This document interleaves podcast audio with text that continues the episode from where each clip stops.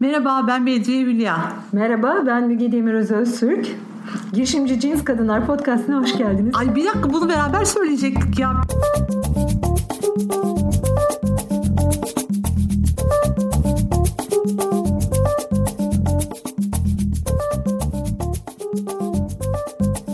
Üniversiteden mezun olunca ben işimi kuracağım demiş miydiniz?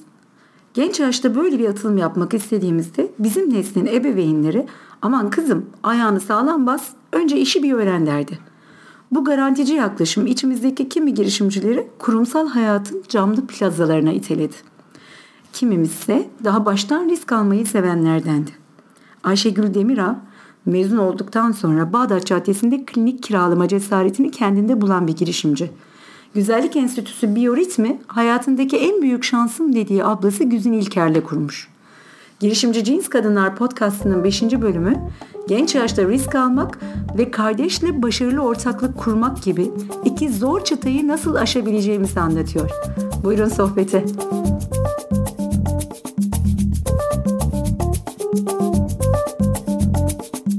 Biyoritim Güzellik Enstitüsü'ndeyiz. Kuruculardan küçük kız kardeş e, sevgili Ayşegül Demirağ bizimle birlikte. Kendisi Marmara Üniversitesi Diş Hekimliği Fakültesi mezunu ve e, Türkiye'de çok vizyoner bir işe sahiplenmiş aslında. Gülüş estetiği dizayn ediyorsunuz değil mi? Evet. Şimdi sizi kısaca bir paragraf olarak bir başkasından dinlemek istesek nasıl duyarız? Sizden dinleyebilir miyiz? Şöyle, e, diş hekimliği fakültesine girdiğim zaman e, sadece diş hekimliği yapmayacağımı bilmiyordum. Ama şunu çok istemiştim. Bir şeyi çok isterseniz olur derler ya. Yoğun bir iş hayatı istiyordum. Babam e, triko imalatı yapıyordu ve biz altı kardeşiz ama Güzin'le beni yani ablam şu andaki ortağım ablamla beni hep e, fabrikada konumlandırmaya çalışıyordu. Ve ben ilk sene aslında diş, e, diş hekimliği fakültesi değil işletme fakültesine girdim. Fakat sonra ikinci sene tekrar e, imtihana girdim ve diş hekimliğine geçtim. Neden çok mu istiyordun diş hekimliğini? Burada e, şöyle e, tam e, devam mecburiyeti yoktu iş, e, işletme fakültesinde o zamanlar. 79 yılıydı ve e, benim istediğim üniversite hayatını da bulamadım orada. Çünkü okula gitseniz de gitmeseniz de fark etmiyor. Çoğu kişi gelmiyor. E, benim hayalimde böyle yoğun e, sosyal ilişkilerin yaşandığı bir e, üniversite hayatı vardı. Onu da bulamadım ve annem de tıp okumamı istiyordu. Ben dedim ki ben diş hekimliği fakültesine gireceğim. Diş hekimi olurum ama tıp okumak istemiyorum. Çünkü mecburi hizmetler o kadar uzun süre okumak falan istemiyorum dedim. Diş hekimliği fakültesine böyle girdim aslında aslında. Hani birçok kişinin diş hekimi olmak gibi bir ideali vardır. Benim öyle bir şeyim e, yoktu. Fakat girince fakülteye tabii ki e, diş hekimliğini çok sevdim. E, yoğun iş temposuna gelince mezun olduktan sonra bir buçuk sene e, bir klinikte diş hekimliği yaptım. Bir klinik kiraladım. Ve e, orada yaz aylarındaki boş dönemlere rastlayınca e, dedim ki ben uzun yıllar bu işi yapacaksam e, bu bunu doldurmam gerekir. Yani başka bir şeyler daha yapmam gerekir. Bir şey soracağım. Ee, sen ne cesaretle yeni mezun biri olarak diş kliniği kiralıyorsun? Nasıl oluyor? Yani nereden geliyor bu cesaret? Şimdi yeni mezun birisi e, eğer kendisine bir klinik açmak istiyorsa birçok yatırım yapması gerekir. Bu da şu demektir. E, aylarca hatta belki birkaç yıl borçlanacaksınız demektir. Bense ee, bir kardiyologla bir diş hekiminin paylaştığı bir dairede Bağdat Caddesi'nde e, orada o dairenin yarı kirasından biraz daha fazla yani sadece alet edevatı kurulu olduğu için biraz daha fazla ödeyerek orayı kiraladım. Hiçbir yatırım yapmadım, hiçbir şekilde borçlanmadım. Bu benim için mesela bir parlak fikirdi o sırada. Çünkü e, başlayacaktım, deneyecektim, e, başaramazsam da sistemimi değiştirecektim. Bu benim için bir fırsattı tam o, anlamıyla. O zaman... Niye o fırsatı sen gördüğünde başka insanlar görmüyor? Ben de aslında kendime yer arıyordum. Yani Bağdat Caddesi'ne kiralık yer arıyordum ve o borçlara girecektim. Bunu görünce aman Allah'ım dedim ne kadar şanslıyım. Bu karşıma çıktı benim. Hmm. Bu karşıma çıktı benim. Sen zaten cesareti bulmuştun aslında bir yer kiralamak için. Borca girmek riskini. Tabii tabii. Onu, göze almıştım. Evet göze almıştım. Çünkü e, sınıftan itibaren bütün çevremiz işte eş, dost, tanıdıklar bir mezun ol da sana gelelim dişlerimizi yaptıralım diyorlardı ve ben hepsinin böyle e, yoğun bir şekilde geleceğini düşünüyordum. Aslında muayenehaneyi kiraladıktan sonra e, tabii ki çok gelen oldu. E, eş, dost ve akraba çevremizden. E, ve muayenehaneyi yürütebildiğimi gördüm. Peki sen e, bu kadar tecrübesizken niye sana geldiler bu insanlar? Neydi? Hayır, onlar bir canlı yayın e, bağlantısı olsaydı bir tanesini arayıp sorardık. Çok haklısın. Çok güzel olurdu ama senin bununla Ben çok çenebazdım. Çünkü ha. bütün bildiklerimi paylaşıyordum. Nişantaşı'nda öğrenciyken yolda yürürken e, kırık bir dişini gördüğüm kişiyi durdurup bakın sizin bu dişiniz kırık ama sizi bunun yapımı çok kolay inanın ki böyle dolaşmanıza hiç gerek yok dediğimi bilirim. E, hocalarım benim için yani sen e, farklı bir şey yapacaksın demişlerdi. Dışa dönüklük ve paylaşımcı e, olmak. Bu da beni esasında yani birbirini besleyen şeylerdi bunlar. Yani bu yaptığımın görülmesi, e, bunun e, takdir edilmesi beni daha da fazla teşvik etti her zaman ve e, bunu e, yani paylaşmayı hiçbir zaman bırakmadım. Harika. Ben şeyi merak ettim. Babanızın tekstil e, fabrikası vardı zaten. Hı hı. Yani babanız zaten bir girişimciydi aslında değil mi? Evet. Bu aynen. durumda girişimci bir babaya sahip olmak, girişimci olmayı kolaylaştırıyor mu? Evet bir de genetik tarafı var mı? Yani bir tıp mensubuyum ama bunun genetik bir tarafı var mı bilmiyorum. E, girişimci bir babaya sahip olmak, girişimi kolaylaştırıyorum derken biz altı kardeşiz.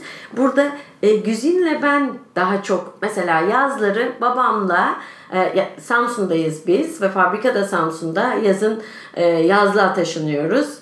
Bütün e, kardeşler işte bütün gün denize girip çıkarken arkadaşlarıyla e, vakit geçirirken biz e, şeylerimize yemeklerimizi alıp babamla beraber fabrikaya gidiyorduk Güzin'le ikimiz. Kendimize roller buluyorduk. işte kalite kontrol, işte personel yönetimine yardım etmek gibi. Orada çalışıyorduk ikimiz. Yani altı kardeşten ikimiz böyleydik. Ve yani baba bizim için tabii çok güzel bir modeldi. Çünkü baba da memuriyetten e, annemle birlikte önce evde dokumalara başlayarak e, böyle bir girişimcilik hikayesi yazmışlar kendilerine. Öyle mi? Memuriyetten girişimci evet, evet. illiye Aynen. yürüyen yolu yürüyen Aynen. babanızdı yani. Aynen. O zaman bunun yani yapılabilir 1955'lerde Harika. gibi. Evet, çok güzel. Devam. Sonrası. Evet. Sonrasında bunu yaptıktan sonra o yazlar durgun yaz iki yaz geçirdikten sonra ben dedim ki ben işi geliştirmek istiyorum. O zaman laboratuvar yapabiliriz veya başka bir şey yapabiliriz. Fakat bunun bir sene öncesinde bir hikayem var. E, fakülte son sınıf öğrencisiyken uluslararası bir fuarda bir standta görevliydim ve e, bu stand bir e, Sakarya diye bir firma ve e, şu anda ismi tamamen farklı ve bu firmanın sahibi Selami Bey benim oradaki fuardaki performansımı görünce bana dedi ki e, Ayşegül'cüm sen sakın e, sadece diş hekimliğiyle sınırlı kalma. Sen bir şeyler yap.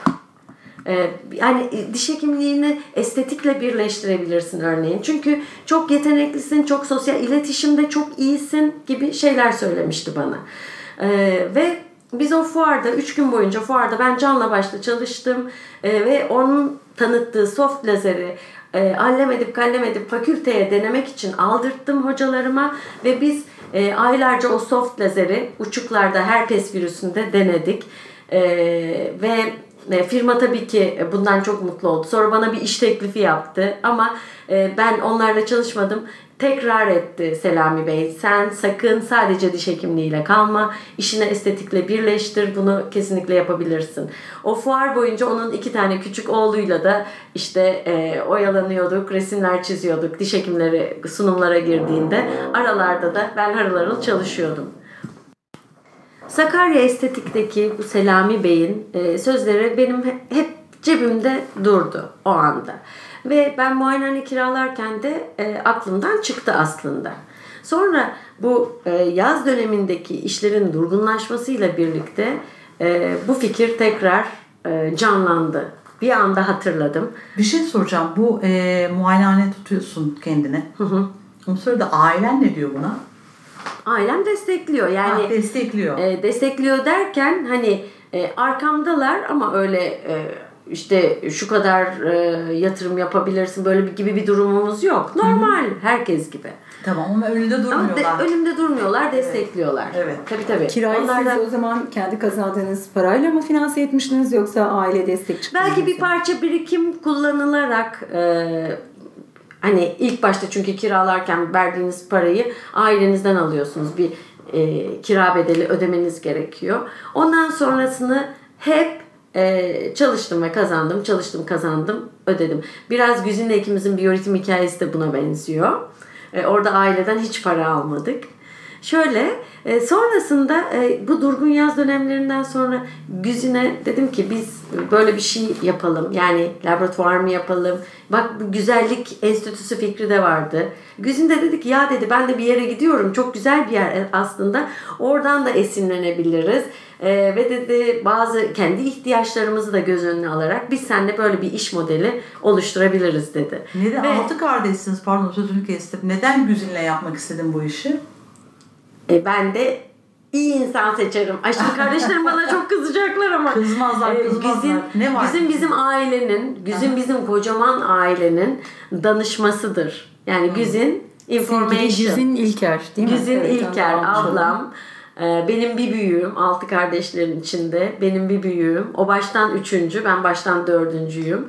E, Danışmadır. Bütün problemler ona gelir. O problemleri soğukkanlı bir şekilde çözer. Onun için problem değildir o, durumdur. Ve o durumu e, çözer, pozitife çevirir ve e, bütün ailemizin yaşı büyük olanlarda, küçük olanlarda herkes e, Güzin'e müracaat eder. Bu hala böyledir yani yıllardır böyledir. Güzin akıllı birisi. Okulda çok başarılıydı. Hocaları çok severdi. Üniversite güzel bir üniversite hayatı geçirdi. Ve e, hep böyle aklı selim olan odur. Ben daha ailenin çılgın e, tarafındaydım. Daha yaratıcı olan hareketli.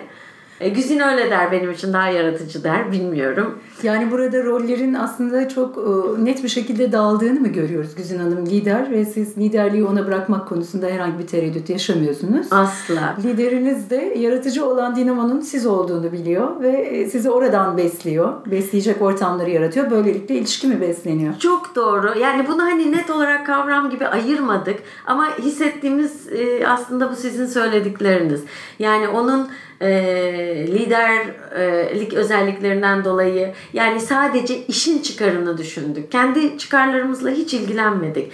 E, işimiz için onun liderlik yapması önemliydi. Çünkü bütün ekipte bir güven unsurudur. Firmalarla çok e, win-win relation'a çok inanır.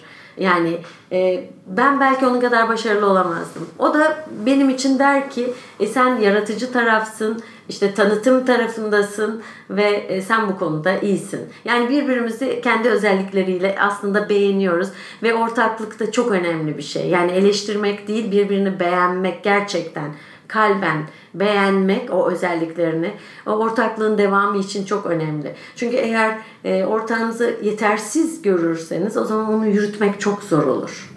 Veya e, sizin durumunuzda aile şirketlerini bir tık değiştiren bir profil görüyoruz aslında. Aile şirketlerinde bir baba ve çocuklar oluyor. Orada adaletin korunması bir mevzu haline gelebiliyor. Fakat sizde öyle bir otorite figürü yok. Aynen öyle. Siz otoriteyi çok karşılıklı olarak görüşerek dağıtıyorsunuz. Aslında bunu şimdi siz söyleyince düşünüyorum. Evet öyle bir tek otorite yok. Ee, bizim üzerimizde bir otorite yok. Dolayısıyla bizim ikimizin kendimizin çözüm bulduğu ve işimizin e, iyiliği için çözüm bulduğumuz e, bazen biraz da duygularımızla hareket ettiğimiz sadece mantığımızla değil duygularımızla hareket ettiğimiz tabii birbirini çok seven iki kardeş e, yaş aralığımız çok fazla olmadığı için iki arkadaş ee, her derdimizi birbirimizle paylaşırız. Yani bana sorsanız ki sizin hayatınızdaki en büyük sırdaşınız kim Güzin? Net. Hani bunu da herkes bilir. Evet ama bu iş hayatını sektelemiyor. Kadınların duygularını Bediye mi adı ben sormak istiyorum. İşine taşıması bir problem midir? Bu bir eksi mi yoksa aslında Ee, avantaj nasıl taşıdığına bağlı. Yani tabii ki duygular ayrı bir kompartmanda duracak ve biz sadece mantığımızla hareket edeceğiz. Çok e, bütünsel bir yaklaşım olmaz. Bunların da yaşanması, duyguların da yaşanması sağlıklı bir birey için önemli. Dolayısıyla e, elbette ki duygular yaşanacak ancak zaman zaman e, aklı selimin ötesine götürdüğünde insana problem oluyor duyguların yaşanması. Orada da bir 10 tane nefes alıp kendini bir topraklayıp şöyle e, o duygunun iyi bir şeye hizmet etmesi için farkındalığını arttırırsa bir sorun yok duyguları yaşamakta. E, gördüğüm kadarıyla e, Ayşegüller de aslında duygularını yaşamıyor değil, şahane bir şekilde yaşıyorlar. Orada yaptıkları güzel şey e, ikisi de kuvvetli taraflarının farkında, birbirlerinin de kuvvetli taraflarının farkında ve bunları parlatarak bunun şirkete kat kat geri dönüşünü seyretmişler. Evet. E, bu geri dönüş oldukça da doğru bir şey yaptığımızı gördükçe de e, onu onu besledik tabii ki. Şöyle ben e, iş hayatını aslında bütün hayatı e, biraz dansla özdeşleştiriyorum. Yani e, güzel bir dans e, izlediğimizde şunu görürüz. E, kadın bir adım öne gittiğinde adam bir adım geriye gider. Yani eşler e, veya e, adam e, yana gittiğinde kadın ona ayak uydurur gibi. Yani bu dansın güzel olması için biri ilerlediğinde diğerinin geri çekilmeyi bilmesi e, gerekir ki güzel figürler ortaya çıksın. Biz biraz bunu da yaptık. Yani tabii ki ara, anlaşmazlıklarımız oldu, fikir ayrılıklarımız oldu, birbirimize kızdığımız da oldu. E, fakat sonunda onu konuşarak halledip buradan kol kola çıkacağız dedik. E, yani Hani bu bir karı kocanın ne kadar kavga ederseniz edin ama yataklarınızı ayırmayın e, tavsiyesi gibi bir şey. Biz her akşam e, kol kola çıktık. E, birbirimizi üzdüğümüzü yani alevli tartışmalarda kendimizi çok haklı gördüğümüz alevli tartışmaların akşamında üzerinden birkaç saat geçtiğinde e, ikimiz aynı anda telefona sarılıp hani ben seni e, ben şöyle söyledim ama diye birbirimize açıklamalara da giriştik. Oradan bir kelimeden, bir bakıştan birbirimizi anladık. E, yani gerçekten e, Güzin'den başka ortak düşünemiyorum. Yani Güzin benim benim şansım diye görüyorum ben. Ve Güzin'e bu fikri açtım. ya Selami Bey böyle bir şey söylemişti. O benim fuarında gönüllü olarak çalıştığım kişi. sen ne diyorsun? İşte derken biz e, güzellik işine soyunduk. Ne yaptık? İlk önce jimnastik açtık. Önce tabii ki bir dekorasyon yapıldı ama her şeyi e, şey taksitlere bağladık. Biz çalışıp ödedik, çalışıp ödedik. O an o zamanki timing yani 1988 yılından bahsediyorum. Jimnastiğin kadınların evden çıkıp hani jimnastiğe gitmesi tavan yap yani başladı ve gerçekten tavan yaptı. Herkes jimnastiğe gitmeye çalışıyordu. Aerobik fırtınası vardı. Daha sonra biz birkaç sene sonra step girdi devreye, başka şeyler girdi. Hep işin içinde daha yatırımı fazla e, büyük olmayan ama akıllı fikirlerle işe bir şeyler kattık. Örneğin bir firmadan bir cihaz aldık. E, onu hep çalışarak ödedik e, zayıflama cihazı. İlk e, kurduğunuzda ilk, nasıldı? Sonra nasıl değişti? İlk kurduğumuzda önce jimnastiği başlattık. Hani ilk e, işi kurduğumuzda e, ve oraya biyoritim e, tabelasını astığımızda e, cadde Bağdat Caddesi gibi kalabalık bir yerde insanlar tık tık gelmeye başladılar ve çevremizden de insanlar gelmeye başladı ve e, biz jimnastikle başladık hocalarla belli bir şeylerle, şartlarla çalışıp orada bir baktık ki hani biz işi idare edebiliyoruz. İşin e, gelir gider kısmı yapılabiliyor. Yani hep deneme yanılma e, ile gittik aslında. Yani bize sorduğunuzda hani bize sorarsanız bir business plan, bir işte şu bu falan öyle bir şey Yapmamış yapmadık. Hiç yapmadık. Tamam. Ee, bunu Sonra yapmadık ama bunu marifet şey... olsun diye söylemiyorum. Yani bugün bunu hiç kimse yapamaz ve biz zaten aradan birkaç sene geçtikten sonra dönüp baktığımızda o yıla 88 yılına Güzin hani sen yapar mıydın? Ayşegül sen yapar mıydın? dediğimizde birbirimize asla yapamazdık. Yani Yaşlar orada bir cesaret Kaçtı kapı. tam olarak? Ee, 88'de ben 26 yaşındaydım. Güzin de 30 yaşındaydı.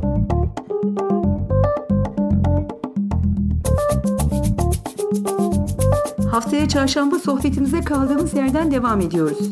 Yeni bölümde Ayşegül Demiral biyoritimdeki iş modelini nasıl değiştirdiklerini, Dior gibi ünlü bir markayla nasıl çalıştıklarını ve kardeşi Güzin İlker'le güçlü yönlerini nasıl bir araya getirdiklerini anlatıyor. Aile şirketlerinde çatışma nasıl yönetilir, başarı nasıl yakalanır diyorsanız sonraki bölüm tam size göre. Görüşmek üzere.